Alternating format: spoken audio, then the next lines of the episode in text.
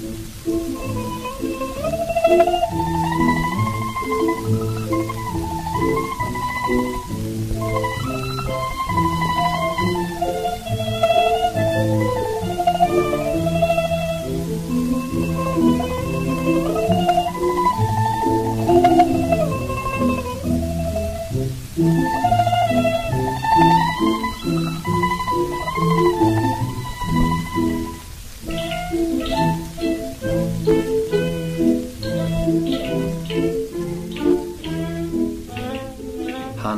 Geislaði af valdi og tignarleika. Á sama tíma og hann skemmti sér með þáttöku í hverskins list og afregsverkum. Í öllu því sem hann tók fyrir sér skaraði hann fram úr. Svo mjög að fólk veldi fyrir sér hvernig hann hefði haft tíma til að ná jafn góðum tökum á íþróttinni eða viðfangsefninu. Margir sem voru sérfróðir í hinnum ímsu listgreinum fengu stuðning keisarans fyrirverandi til að ná hátindi frama og fræðar. Svo er sagt að Buddha leiði alla menn til uppljómunar, jafnvel þá sem gerast segir um bölin tíu og syndirnar fimm. Keisarinn fyrirverandi syndi öllum afræksverkum áhuga, jafnvel á þeim sviðum sem virtust engu skipta. Allt kunnóttu samt fólk var bóðað á hans fund og fekk færi til að bjóða fram þjónustu sína. Þannig lísti rítarinn Ienaka keisaranum Go-Toba.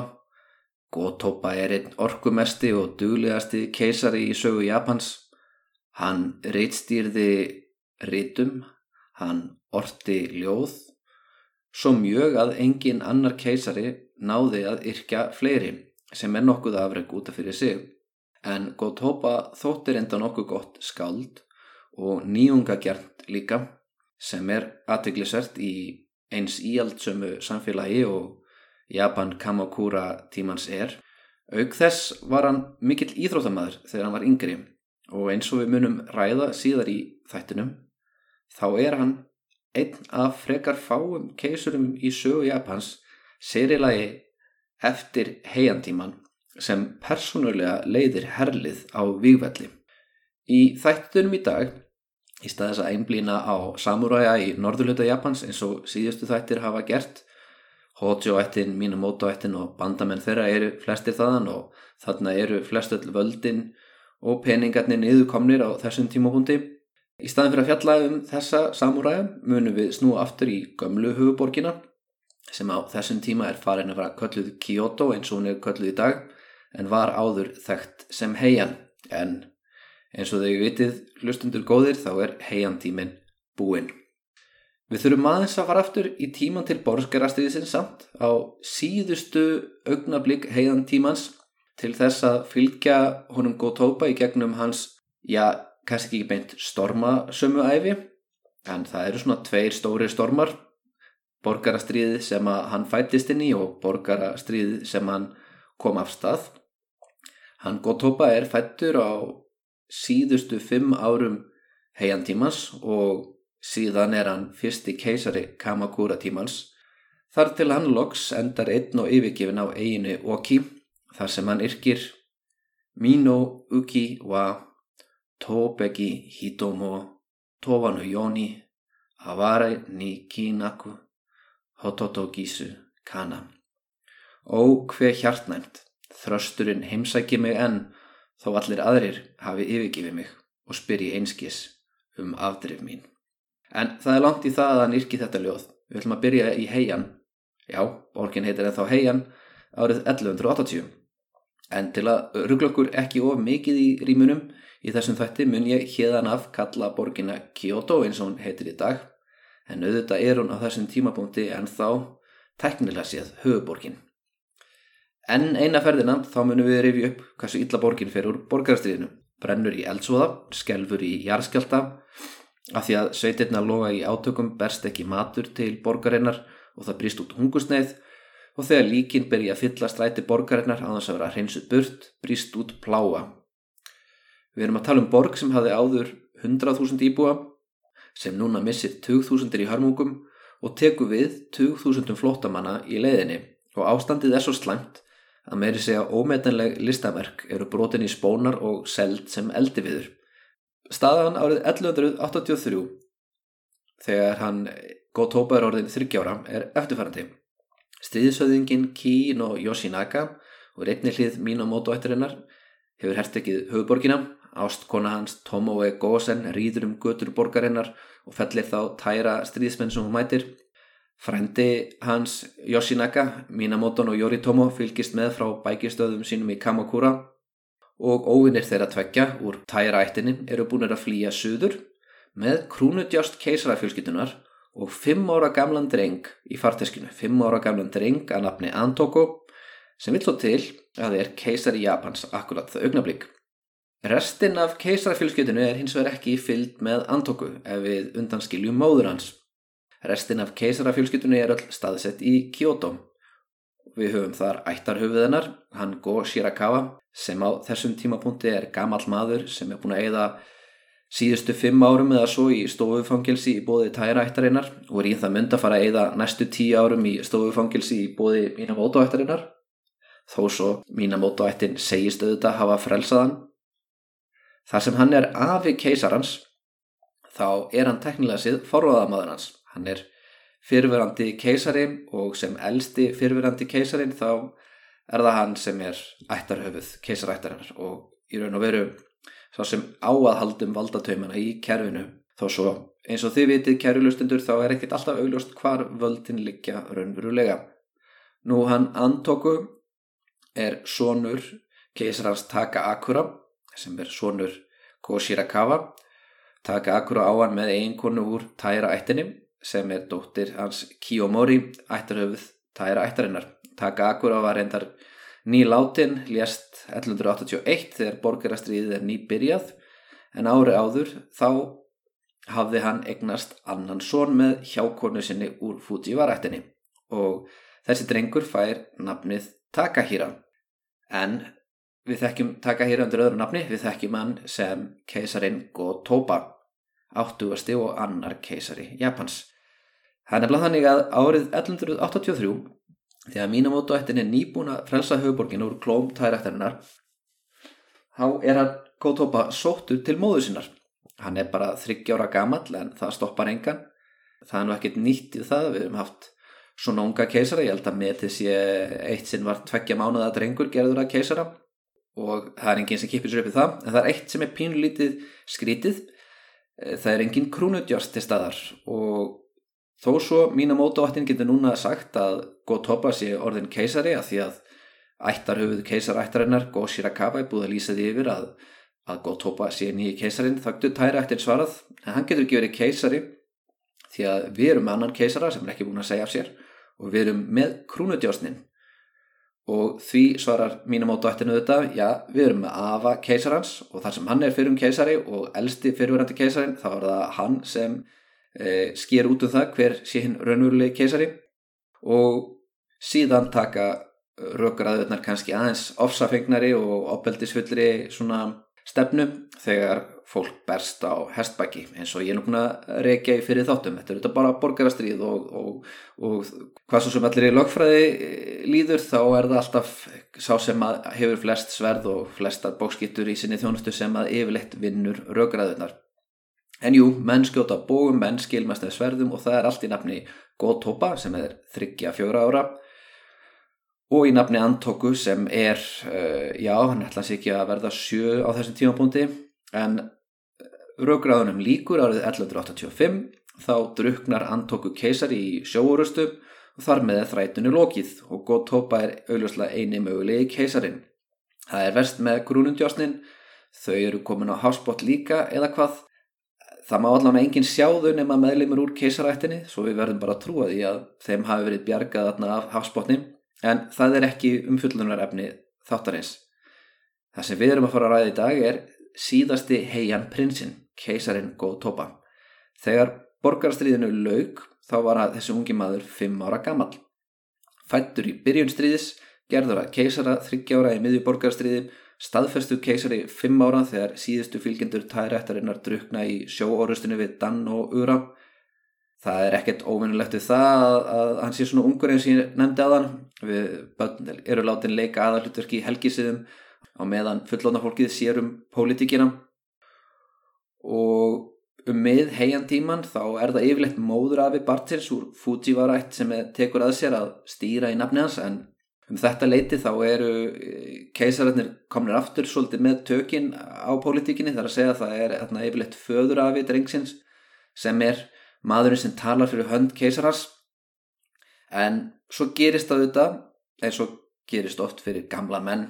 Ég ætla ekki að eða á miklum tími að tala um hann Go Shirakawa, ég er búin að gera það á öðrum stað en hann Go Shirakawa þessi gamli tengum hann deyr og hann gerir það á tímapunkti þegar hann Go Topa er ennþá freka ungur drengur. Hann er bara 11-12 ára gamallum á þessum tímapunkti. Fadur hans er látin föðu bræður hans eru látni líka og hann á þessum tímapunkti er elsti Karlkins meðlumur keisarættarinnar. Og þá fær Fujiwara eittin svona smá comeback þeir fá möguleika á því að tala fyrir hönd þessa fjarskilda frænda síns sem er í raunin aðna jú, móður hans er úr Fujiwara eittinni þannig að, að í smá stund þá er svona gamla heian fyrirkomulagið snúið aftur. En auðvitað eru hinn raunverulegu völd hverki narri keisaraeirðinni þau eru komin til Kamakura. Það er svo langt síðan ég tók upp þátt að ég er ekki alveg vissum hvað ég hef sagt frá áður og hvað ekki. Ég get bara svona endur tekið það ég held að það sé bara best Kyoto er staðurinn þar sem keisarinn og hyrðans búa en stjórnsíslan er komin til Kamakura og helmingurinn af öllum skattekjum fara til Kamakura og hinn helmingurinn fer til Kyoto og á móti þá sjá samúræðinir í Kamakura um það að tryggja friðin í landinu. Og þetta er eitthvað sem ekki allir eru sátti við. Til dæmis er hann Go Shirakawa, Avi Go Topa, ekkert mjög ánaði með það í sínur stofufangelsi. Hann eigður eh, restina yfir sinni í þessu stofufangelsi sem eru þetta luxus stofufangelsi en samt, eh, hann er ekki alls maður. Og þó hann sé ekki frjáls, þá er hann samt þrjóskur og hann neytar að veita Minamoto Yoritomo ennbættin sem hann byrður um. Hann neytar að viðkjöna sem lögmættan stjórnanda, hann neytar að gera hann að sjókun. En svo deyr hann árið 1192 og á þessum tíumpunkti eins og áður saði þá er tópa keisarin bara, ennþá bara bann, hann er 11-12 óra gammal. Engin annar kallmaður og keisarættinni getur tala fyrir höndans og svo sem stýgur inn í þetta er Kujo Kanesane. Og við talaðum um Kujo Kanesane áður. Hann er sessjó, það er að segja forraðamæður fyrir keisaran og síðan þegar hann, eh, keisarin er orðin 13 ára gammal þá mun hann Kane Sane fá annan titil, Kanpaku sem þýðir aðalráðgjafi en starfslýsingin breytist þú að lítið þó hann far úr því að vera forraðamadur yfir í að vera aðalráðgjafi. Eða það veldur svolítið á keisurunum og hversu mikla svona pólitískan vilja þeir hafa oft á tíðum. En þetta er auðvitað ekki staða sem hann Kujo Kane Sane fekk með því að sækja um hana. Go Shirakawa valdi ekki hann Kujo Kanesane í þetta því að hann Kujo Kanesane er í þessari stöðu af því hann er elsti kallkýrs meðlumur Fujiwara ættarinnar elsti sonur elsta sonar og þannig er þessi aðalar áðgjafa staða búin að erfast í síðastliðin 200-300 ár. En eiginlega síðustu 100 árin hefur þessi stað ekki verið mjög valdamikil. Keisaratnir voru kannski oft börn en þeirra hafa haft annan eldri fyrir um keisari sér við hönd sem hefur séð til þess að þessi Fujiwara ráðgjafar fá ekkert að gera of mikið. En þarna akkurat í þessu ögnumbliki fær hann Kujo Kanesane að semja fyrir hönd hyrðarinnar og hann er frændi Yoritomo. Yoritomo er kannski Minamoto í föðurætt en í móðurætt þá er hann Fujiwara líka. Þeir ná vel saman og Kanesane hann seti þessa ungi keisarin staðfesti Yoritomo sem sjókun þannig að þá viður kennir hyrðin formlega að Iritómo sem er nú þegar byrjaður að sker út um dómsmál, byrjaður að, að sapna sköttum og allt þetta e, það viðkennir réttin sem hann hefur til þess að skipa fólki ennbætti og hann mjög ánaðað með þetta því að ekki nóg með það að, að hann lítist vel á frænda sinn úr mínum mótaættinni og hann líst bara líka vel á það að það sé friður í landinu og hann er alveg til í að fara einhverja mála meðlanir ef það tryggir friðin Eftir að sjókunardæmið og keisarahyrðin hafa náð samkómalagi þá fer uppbygging á fullt, peningar streyma frá Kamakura til að endur þessa hof og hallir í Kyoto og Nara. Og allt verið stella ganga bara þokkalega þanga til að Yoritomo fær þá hugmynd að gifta dóttur sína og híme. Það er að segja að hann fær ekki þá hugmynd að gifta hana bara einhverjum, hann vil að hún giftist keisaranum Gótoba. En þar gengur hann of langt að mati Kanesane því að þó svo hann hefði verið til í að sætta sig við að Minamoto ættin væri orðin ríkari en Fujiwara ættin og væri komið með meiri pólitísk völd þá finnst hann fullant gengið að enn eina ferðina ætla einhverju samúræðar að gifta sér inn í kersæðafélskilduna ég meina, þetta er nú þráttur allt bara einhverju sveita samúræðar og já, ég er búin að tala um þetta í 41. þætti sem er atna, ekki fyrir svo mörgum þáttum en einhverja síður fyrir alveg þremur mánuðum síðan og Í stuttumáli sagt, Kujo Kanesane, honum tekst að koma í vekk fyrir það að Yoritomo geri keisaran að tengda sinni sínum. Dóttir hans Kanesane, hún Ninshi, verður keisarinn í þessi stað.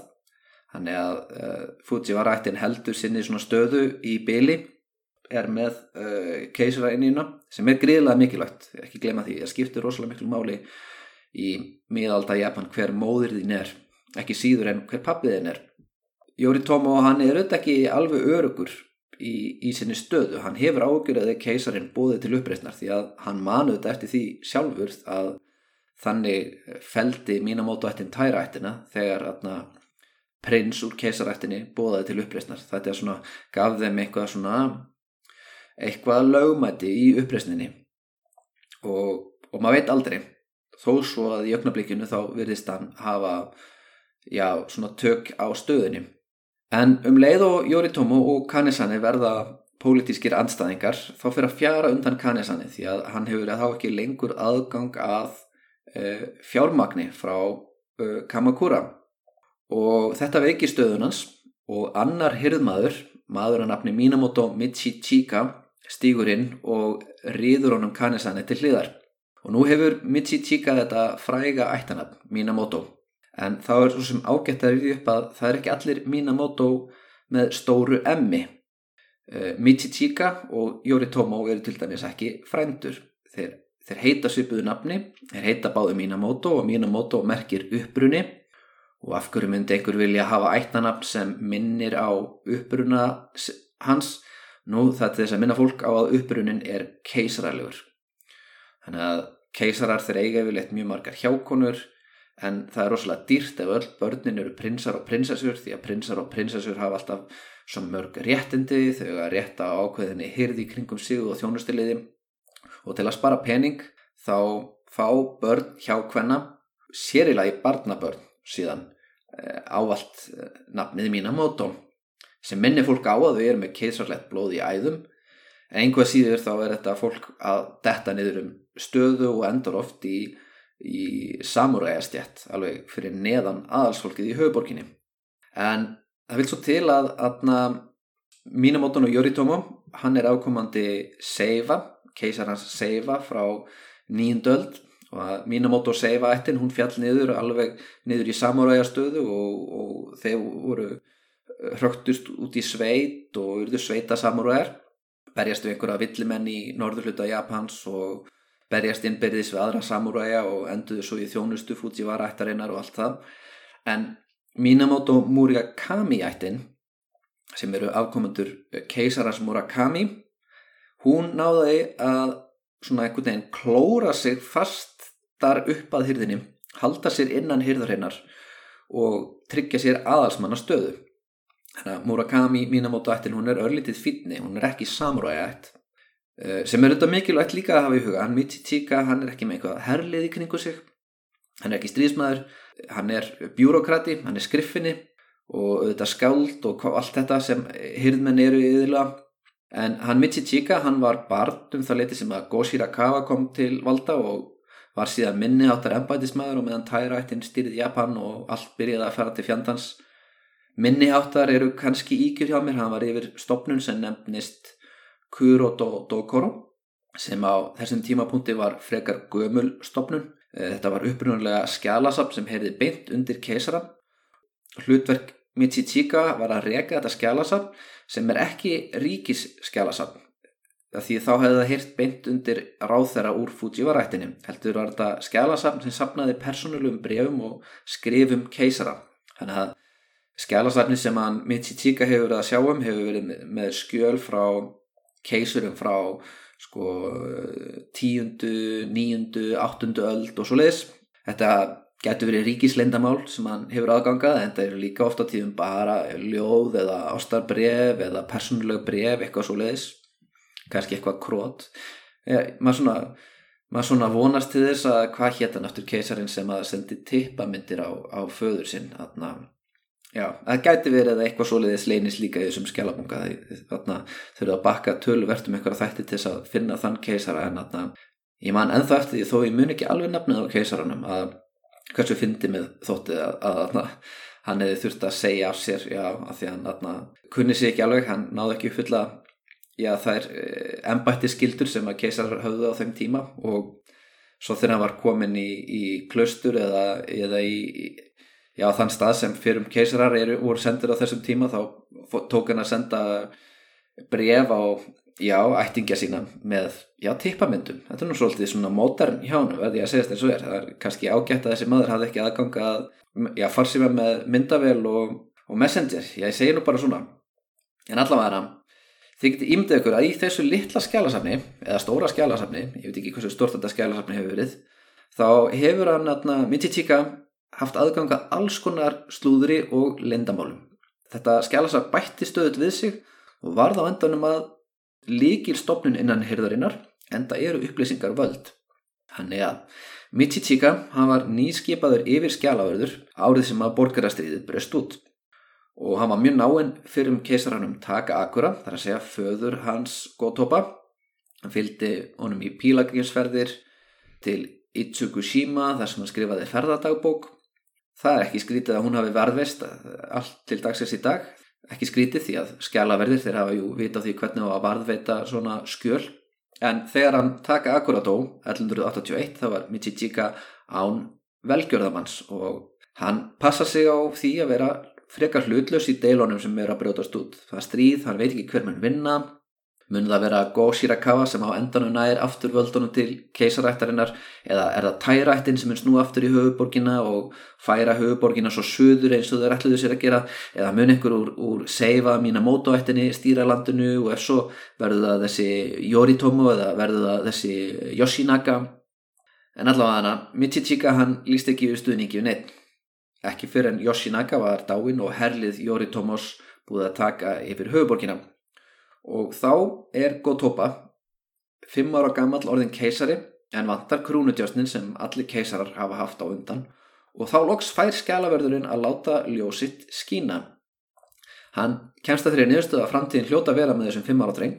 Og hann byrjar að grúska í skjálasafnunum og hann finnur dæmi um það, fordæmi að vísu ekki frá Japan, hann finnur fordami frá Kína að einu sinni í miðri borgaresturjöld þá hafi keisari verið kryndur á þess að hafa rétt innsikli og það hafi verið í lægi að því það var stríð. Og hann notar svona, þetta er samblanda af sagfræði og lögfræði, hann raukstiður það að Gotoba sé gerður að keisara á þess að hafa speilin, sverðið og gimstinn inn í höndum sínum. Og þar sem fordæmið kemur úr sögu Kína þá gátt allir sætt sig við þetta því að Kína var þetta stóra fyrirmyndin og þarna eh, sannar hann sig og hann kemst upp í stöðu Tjunagon sem er nokkuð svona undir ráþra eða ráðuneytistjóri þetta er þetta mjög svona lauslegar þýðingar hjá mér. Já, Tjunagon er fyrir neðan Dynagon og það er svona næsti bæri það að vera ráþara hægrisins eða ráþara vinstrisins þannig að hann er ofalega í kokkunaröðunni en hann er ekki alveg komin inn í ríkistjórnum skulum segja að hann sé svona kannski formaður einhverja nefndar ef ég er að líka þessu við íslenska þingræðið ef svo má segja. Hann þykir standa sér vel í þjónustu Góðtópa og nú leikur hann sinn klókasta leik þegar hann giftist Fujiwara no Hanshi. Fujiwara no Hanshi og var nú kannski ekki, uh, valdamesta eða ríkasta hana, Fujiwara konan en þetta er merkileg kona því að við veitum nafnið á henni og við veitum ofta tíðum ekki nafnið á, á konum á hana, á heian tímanum eða kamakura tímanum það er yfirleitt bara sagt kona þessa manns eða kona þessa náunga eða dóttir þessa náunga. Það eru nefndar eftir kallmönnum í nákvæmlega við sig ekki eiginafnið er ekki notað í ofnbyrjum skjölum. En hún Hansi hún hær að, að koma nafni sínu í sögubækunar af því hún er brjóstamóðir keisarans Gótópa nú Gótópa, fimm ára gammal hann er augljóslega ekki á brjósti lengur. En hún er samt eiginlega ígildi fóstur foreldris fyrir þennan dreng. Keisarinnjur þar eru alltaf fínar auðvitað til að hafa eigin börn á brjósti eða taka þátt í alað upp. Og fóstuforeldrar þetta er oft hlutaði að mynda svona bandalög líka. Ég er búin að fara yfir það í öðrum þætti hvernig fóstuforeldrar geta haft alveg gríðilega mikilvægt pólitískt hlutverk fyrir svona aðalsfólk. En í öllu falli þá lítur Gotoba svo á að Fujiwara no Hanshi sé svona móður ímyndans í lífinu. Er, þetta er konan sem að hann uh, fer til til að kissa á báttið nú, og nú þegar Michichika er orðin eiginmaður hennar þá gerir það hann að, já ég ætla nokkið að segja að hann sé stjúpfæðir keisarans en, en ég menna hann er giftur konunni sem er að alan upp. Þannig að hann þarf kannski að neyja sér fyrir drengnum þegar hann hittir keisaran en í augum þessa unga manns þá er hann kannski eitthvað svona í, í líkingu við stjúpföður og Michichika hann ætliðir dóttur hennar Fujiwara no Hanshi. Og svo stúlka fær nafnið Minamoto no Saishi. Og hann sér til þess að Saishi þessi og, og drengurinn Gotoba fái að vera hansi mikið í kringum hvort annað þegar drengurinn er að verða kynþroska. Og hún mun verða eða verður fyrsta hjákona keisarhans. Já það er kannski mjög skrítið fyrir okkar nútíma manneskjur eins og okkur að, að að segja einhverja í ástarsambandi með stjúpsistur sinni eða með blóðdóttur brjóstmóður sinnar en það voru aðri tímar. Það voru aðri tíma, þau eru eflust fræntískin eða eitthvað svoleiðis, þetta er þarna, þessar ættalínur eru svo litið skriknar, en hvaðan um það? Við höldum áfram að, að, að fylgja æfið þessa drengs 1193 til 1195 Yoritomo Shogunin heimsakir Kyoto, endur sér hof og hallir hann og Kanesane rýfast af því að Kanesane vill ekki að Yoritomo gifti dóttur sinja keisaranum en Kujo Kanesan endar í mjög erfiðri stöðu, hann missir aðna bakhjarlinn sinn, Michichika nýtir sér tækifærið. Sér til það í hyrðinni eru tvær fylkingar. Einn fylkingin hefur verið með Kujo í liði. Það er fólkið sem vil tryggja friðin í landinu með því að mynda bandalag millir hyrðarinnar og sjógönsins.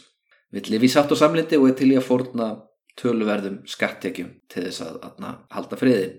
Köllum þetta sáttafylkinguna en það er til önnufylking sem við skulum kalla harðlínumennina. Fram til þessa hefur Michichika verið mjög varkár, hann tilirir ekki nefni fylkingu.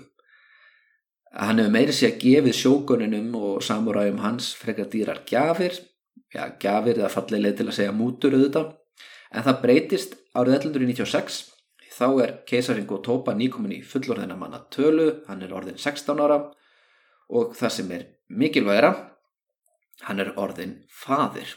Móðurinn það er hún Minamoto no Saishi, fórstu dóttir Michichika og barnið er drengur. Og þar með er Gotoba búin að egnast, hann er búin að egnast svon, hann er enda búin að egnast dóttur líka, hann er búin að egnast dóttur með keisara einju sinni, hann er hérna dóttur Kanesane, en það líst Michichika enga megin á því að ef hann egnast nú annað barn með þessari keisarinju og það verður já, yngri bróðir nú þá er hann komið með erfingi ekki satt.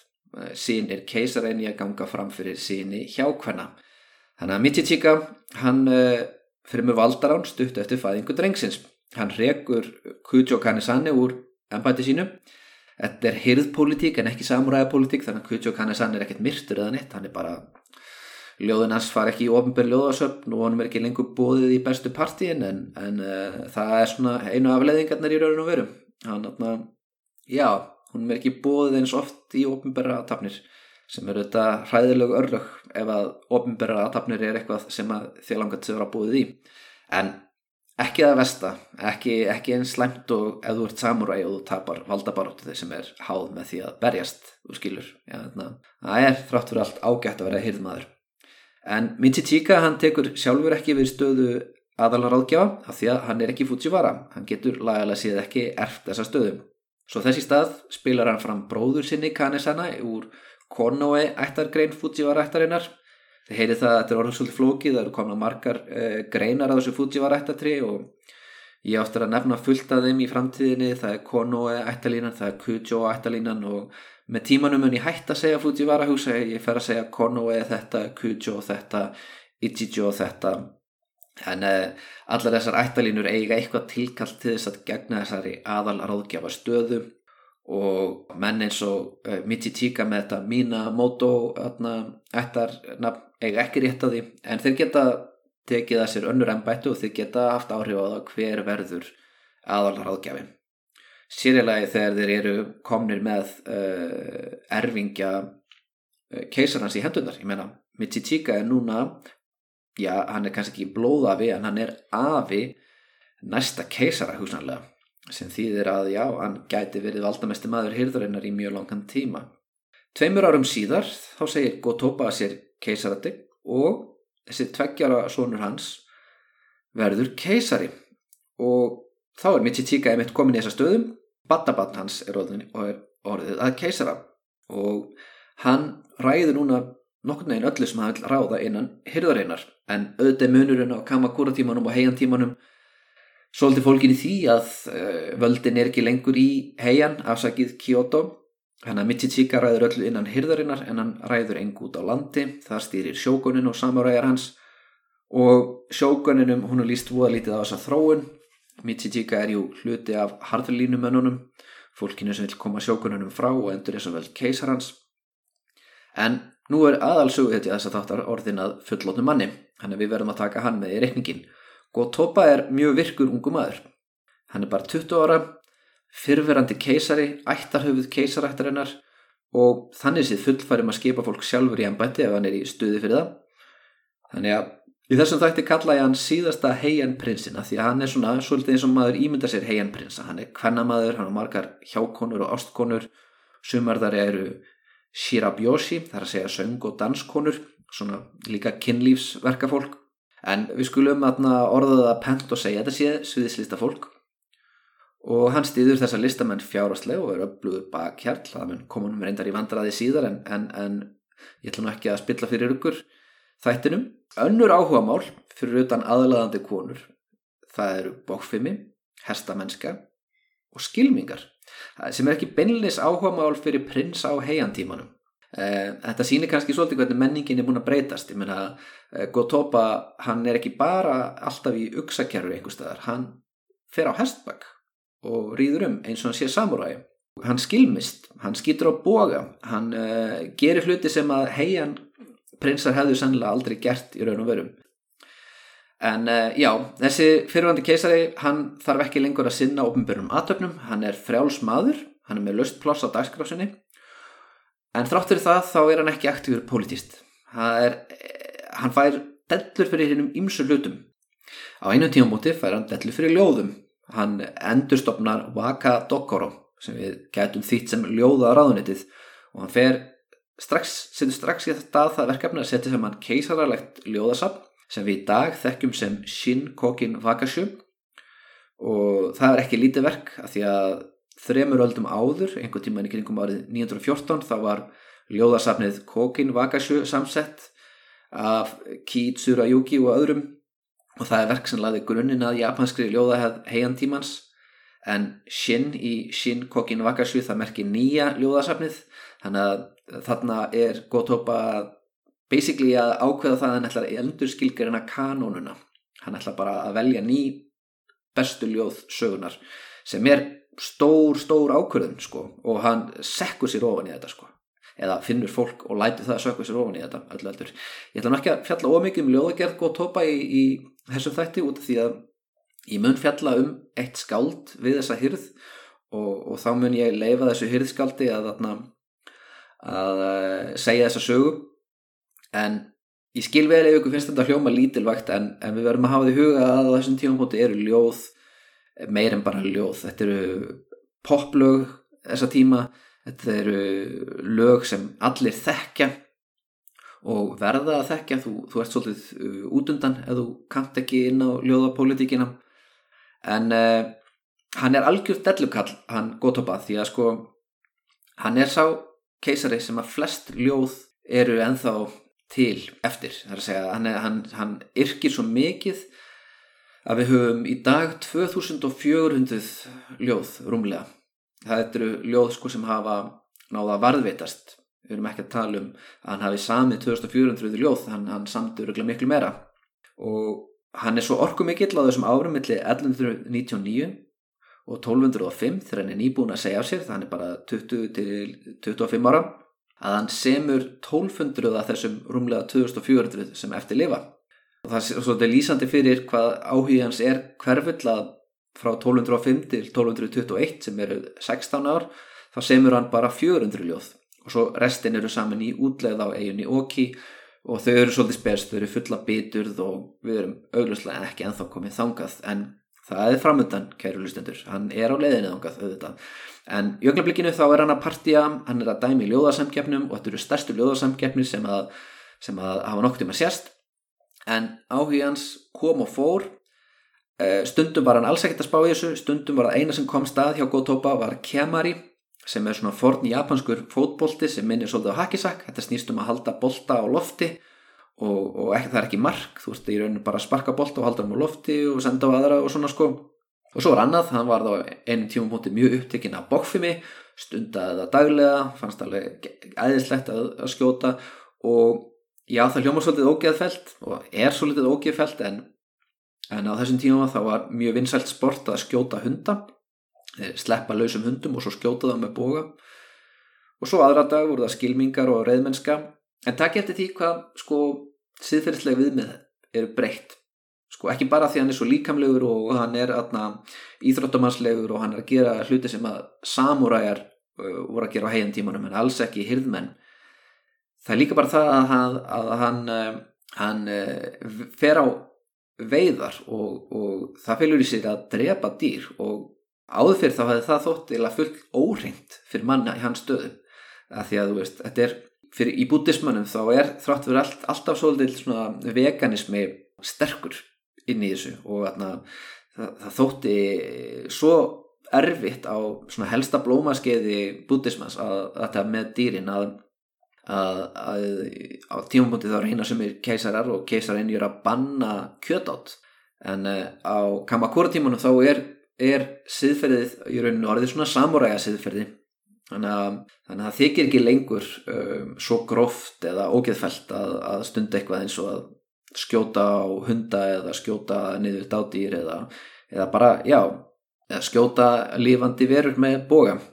Svo, Minamoto no Michichika nátti mjög gott samband við Gotoba og fekk að stýra hér um byrju öllu sem hann vildi, þanga til hann lést. Það var 1202 þá deyran og eftir það er Gotoba algjörlega sinni einn herra, það er engin maður sem kemur í stað Michichika. En það er það ekki skiljanlegt, ég meina Michichika er svona maður sem var í hlutverki í stjúpföður skakvartónum og nú er hann orðin fullorðin maður. Það er engin annar sem svona hefur komið að uppeldið hans þarna þannig að skiljanlega þá er hann ekkert að fara að, að lúta fyrir einhverjum öðrum náungum. Og þessum tímabúndi þá veru átök í Kamakura sem ég er búin að fjallum í öðrum þáttum.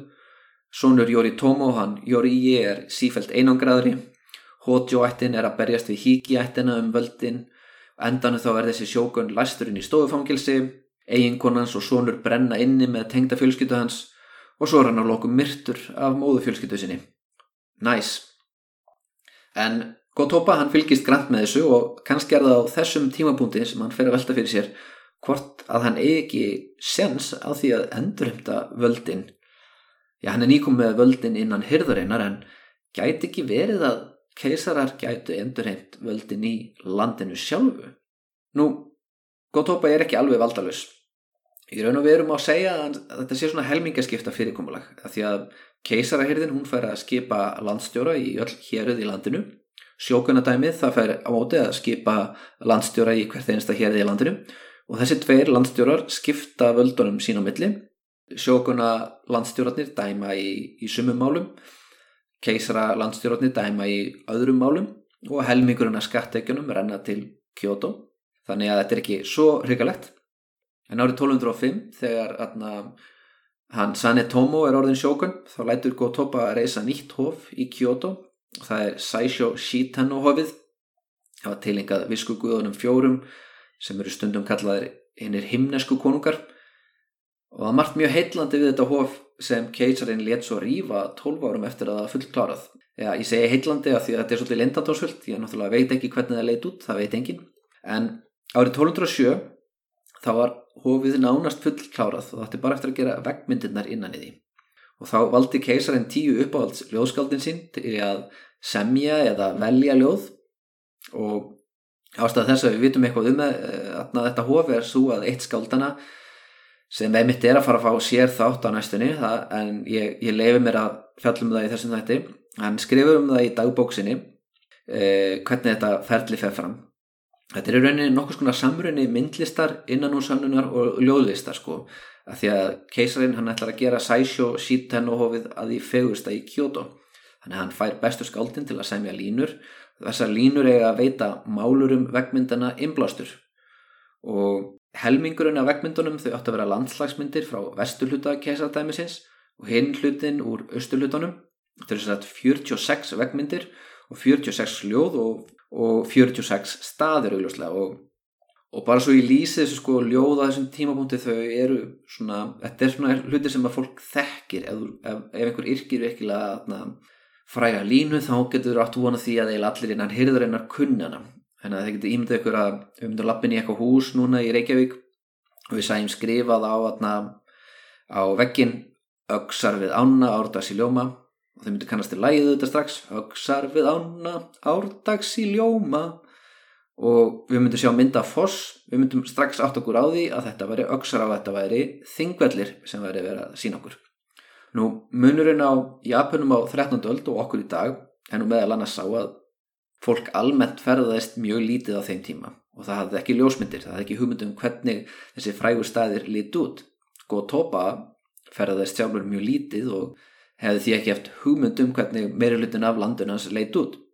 Og svo maður bæta því við að hlutahofinu hefur eflaust verið í Kara E-stíl, þar að segja byggt á kínverskum myndhefðum og landslægið hefði verið líkara söður Kína heldur en norður Japan.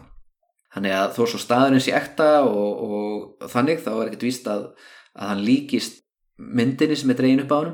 Sér í lagi þegar skáldin sem yrkja um staðin hafa heldur aldrei heimsótan, heldur eru kannski að miða við einhver önnu ljóð sem þau hafa lest og eru að semja upp úr. Og það myndast oft ákveðin hefð fyrir því að í, í, í þessum landsluta séu laufinu rosalega falleg, í öðrum landsluta séu alltaf regning og svo framvegis en það er kannski bara hundrað ár síðan einhver úr hyrðinni fór á heimsótið þennar stað og, og atna, skoða það virkilega en það er uh, svolítið, sem er svolítið skemmtilegt við þessa dagbóka það að hann nefnir það einn að málurunum uh, eh, Kani Yasu byður hún leiði til að fá að heimsækja staðina sem koma fyrir í ljóðunum. Vil fá vantilega ferðastyrk og, og þetta er nefnt sérstaklega því þetta er svolítið óvinnuleg beðni en þið sem hlustuðu á þáttu minnum Kamakura enduristina þið vitið að það eru svona nýju ströymar í japanski myndlista á þessum tímapunkti og sumi listamenn eru hættir að nota gömlu heian hefðirnar eftir borgarastriðið og eru farnir til dæmis að gera högmyndir af mikilmennum sem í staðis að vera svona einhverjar svona ídeal högmyndir af ídeal manneskum eru raunsæjar stittur sem eiga líkjast viðfangsefninu. Þannig að maður sér kannski stittu af fólki frá þessum tíma í einhverju hofi þá getur maður jafnvel átt vona því að þessi stitta líkist manneskunni sem um er að ræða. En, en á maður þannig stittu frá einhverjum öðrum tíma fyrir kamakúra tíman þá er, er eiginlega alveg útlokað að stittan líkist viðfangsefnuna því að það var ekki markmiðið. Markmiðið við að gera stittu af konungi eða munki er til að fanga mikilfengleika eða heilagleika en ekki að reyna að fanga mannin sjálfan eða skilja hvað ég meina.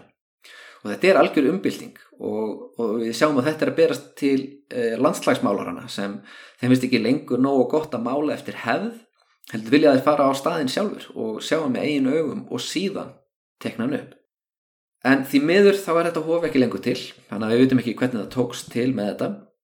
En hann góð topa að létt rífa á hófið og hann gerir það 12 árum eftir að það er fullt klárað og það sem meira er hann gerir það akkurat rétt eftir að sjókunin Sane Tomo sem ég fjallaði mér síðast að þetta þegar sjókunin Sane Tomo er myrtur og hér kemur nokkuð fræg Kamakura samsæriskenning sem er ekki endal út í hött ef við miðum við hversu hjátrúafullt fólk var það á þessum tímapunkti.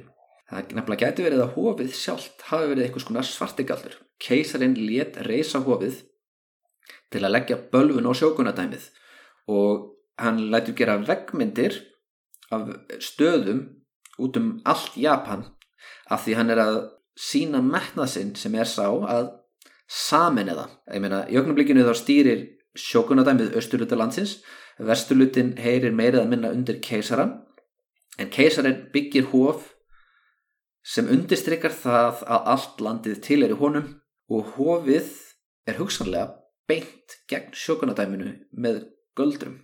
Hann allan að lætu rífa það um leið og um leið og sjókunin deyr á þess að eiga börn og það fyrir gang krísa innan sjókunadæmisins. En hver veit, það er ekki hægt að segja til um það í dag, þetta hófið náttúrulega lungu horfið, en um leið og Svanni Tómo deyr árið 1219 þá hefjast samningaviðræður millir Hojo Masako, nunnunar sem að stýriði öllu í Kamakura baku tjöldin, það hefjast samningaviðræður millir hennar og Go Toba sem stýriði öllu fyrir framantjöldin í keisaraherðinni og Masako vildi að yngri sonur Go Toba tæki við stöðu sjókons og Go Toba á þessum tíum putti hann á mörgböld, hann á són sem er keisari og sá sonur á uh, fleiri börn sjálfur. Þannig að það er tryggt að lína keisarnas haldi áfram. Það mun vera badnabat sem erfir keisarastöðuna eftir uh, að sonur Gotoba dregur sér ilja og hann á auka sinni þannig að hann á nóga kalkins afkomundum sem gætu tekið að sér að vera sjókunar fyrir, fyrir Hojo ættina og Hojo ættin hefur sjálfsögð engan áhuga á því að fá einhvern hvað ég var að segja svona einhvern uh,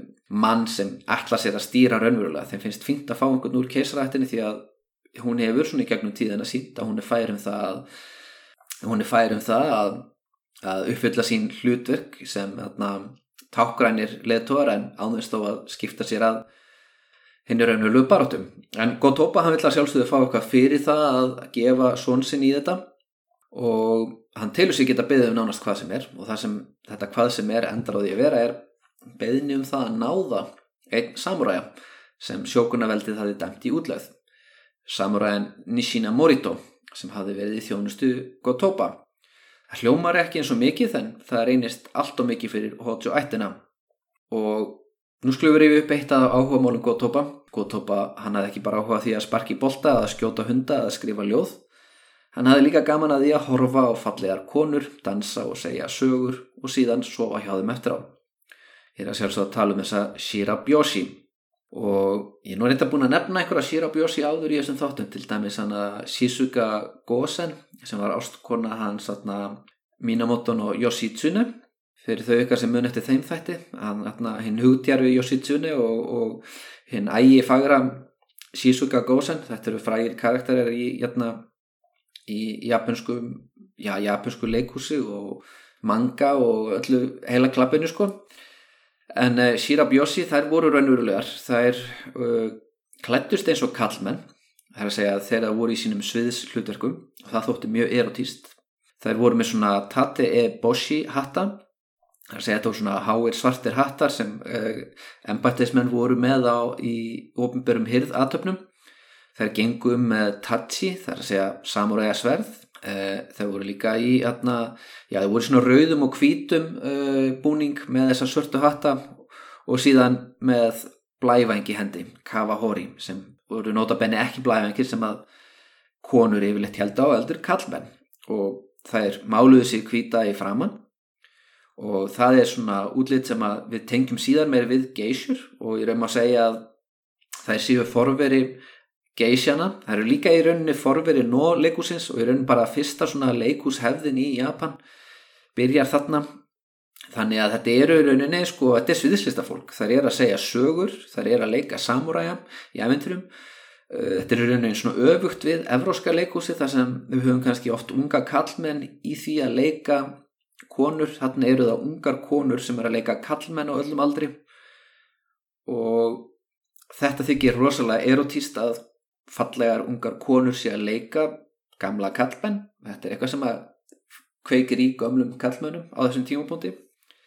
En uh, það er ekki óalgengt að samúræðir og aðalsmenn með mikla landaregnur og pening millir handana næli sér í eina eða tvær ástkonur úr Shirabyoshi stettinni, ég er búin að nefna það Yoshitsune nefndi líka að Tairan og Kiyomori hafði tvær svona ástkonur úr Shirabyoshi hefðinni og já, þetta er svona fólk sem er tónlistafólk og það syngja og það segja sögur og síðan til þess að ég raunni lifa þá, þá atna, sofa þær hjá velgjörða mönnum sínum. Og á móti þá eru þessi ríku samuræjar og ríku aðalsmenn ofta á tíðum að tryggja þeim sæmilega eftirlaun með því að gefa þeim landaregnir þannig sem er náttúrulega betra en að gefa þeim skartgripið að peninga því að fyrir það síðar þá verða þessar konur eldri og, og það er búið að kulna í ástasambandunni eða jafnvel elsku í hennu löngu látin en þær þurfa kannski að alveg nokkara bastarda og þá er gott að hafa landaregn sem er runnið að verðmættasta sem þú getur átt í Japan á þessum tímapunkti Það er ekkert nexlandi við það að fyrirvænandi keisari sé að sofa hjá dansbíum. Hann, Gotoba, hann sefur hjá konu sem nefnist Kamegiku. Uh, hann gerir það ítrykkað, hún uh, skemmtir við hyrðina og síðan fylgir uh, ekkert afsýðis og enginn kipir sér upp við það. Mjög vennulegt fyrir kallmenn í þessari stöðu á þessum tíma að eiga svona samband við einhverjar leikkonur.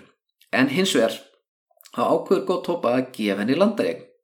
Aftur, það er ekkert skrítið við það, keisarinn á fullta landaregnum, en málið það að keisarinn hefur einhvern sérstaklega áhugaði að gefa landaregnir sem hann á, hann ákveður að gefa landaregn sem einhver annar á. Og þannig er góð tópa enn eina ferðin að gera það sem keisar gera svo oft. Eh, þeir eh, rifja það upp að allt land í Japan teknilega séð til er þið. Það er að segja, ofinbella þá þá tileirir allt land í Japan keisara þannig að af hverju ætti Gotoba ekki geta gefið Kamegiku hvaða landaregn sem er en gallinni sá að Kamegiku og landaregn hennar tileirir alls ekki keisaranum heldur tileirði það einhverjum samuræja sem var búin að fá þessu landi útlutað af sjókunadæminum en það gengur auðvitað ekki að þjófkenna fyrir um keisara þannig að í staðin fyrir það er Ersa Gotoba fyrir að gefa eh, eh Kamegiku landaregn þá er það samuræin Nishina Morito sem er í raun bara maðurinn sem að Gotoba sendir til þess að fylgja ástkonu sinni á staðin þannig að hann er handekinn og honum er rafsað þetta hljómar eins og smámál því þetta er bara einn landaregn, nokkrar egrur eða svo og já, kannski eitt höfðból svona, eitthvað, eitthvað sæmilegt sveita setur fyrir hann að eh, Kamegiku til þess að eiga í ellinni. En vandin er sá að hótjóttin getur ekki gefið eftir í þessu máli af því að sjókunandæmið byggir allt valdsitt á því að útluta samuræjum landaregnir í skiptum fyrir þetta land þá sverja samuræjarnir sjókunanum hotlutustuðið þannig virka lénsveldi en ef að sjókun samþykir það að keisarin getur bara tekið landaregn af einhverjum uh, sem sjókunan er búin að útluta landi nú þá er sjókunan að viðurkenna að keisarin sé já ekki bara svona tákgrænt séð yfir hann hafinn heldur líka bara hans sem er réttin til þess að gefa og taka land. Og ég menna myndum að þá ekki að maður væri samúrægi frekar halla sig upp að keisaranum heldur en sjókuninum þannig að skiljanlega þá segir Hojo Masako hún Gotoba hún geti því miður ekki samþygt það að ástkona hans fáið þetta land. Hún, hún geti það ekki að því hún eigi ekki landið. Sjókunin útlutaði e, þessu landi og það er ekki eins og neitt sjókun sem til að taka þetta tilbaka. Þannig að, að keisarinn verður bara sætt sig við þetta en menna, hann er eitt stærsti landegjandi í Japan þannig að hann getur vel útlutað uh, henni Kamikíku einhverju landi já, eða einhverjum eða jæfnvel fleiri dönsurum hann vil en það enda þannig að enginn var skipaður í ennbætti sjókuns og þrátt fyrir það þá heldur sjókun að dæmið áfram að útluta landi og sapna sköttum og Hojo Masako hún bregður á örþrifaráð, hún sendir yngri bróður sinn Hojo Toki Fusa til Kyoto með þúsund manna herlið. Þannig að næstu er Gotoba leitt út um gluggan á uksakerru sinni þegar hann var á leiðinni milli áhuga mála eða, eða kannski á leiðinni úr borginni yfir á sveitasettur sitt eða eitthvað svo leiðis þá sér hann að allt er morandi í samuræjum frá norðrinu. Og þetta er auðvitað ekkert nema bara lít dulinn hótun. Þannig að verða að sína kesaranum að hverða er sem hefur uh, vopnin. En hann gefur sig ekki hann uh, ætlar ekki að samþykja nýjan sjókun hann ætlar ekki að gefa einhvern úr keisarættin í þetta lítilmótlega hlutverk þessi stað í byrjun sumars árið 1221 það bóðar hann til keppni í bókfimi sem samúræjar hvaðan eða að úr nákvæmni í Kyoto streyma til að taka þátt í. En þessi samúræjar er brátt eftir að komast að því að í þetta sinn er keisarinn ekki búin að finna enn eitt áhagamálið. Nei, hann brennur ekki fyrir bókfimi, heldur hefur hann mestan áhuga því að leggja kamakúra í eyði. Og þar látum við staðanum í dag, því að í næsta þætti þá munum við heyra meira um Jokju uppreysnina, svo kvöldluðum í fjörða og síðasta þættinum um nunnu sjókunin. Takk fyrir hlustununa, ég vona að þetta hafi verið fróðulegt og ef ekki fróðulegt þá að minnstu kosti skemmtilegt.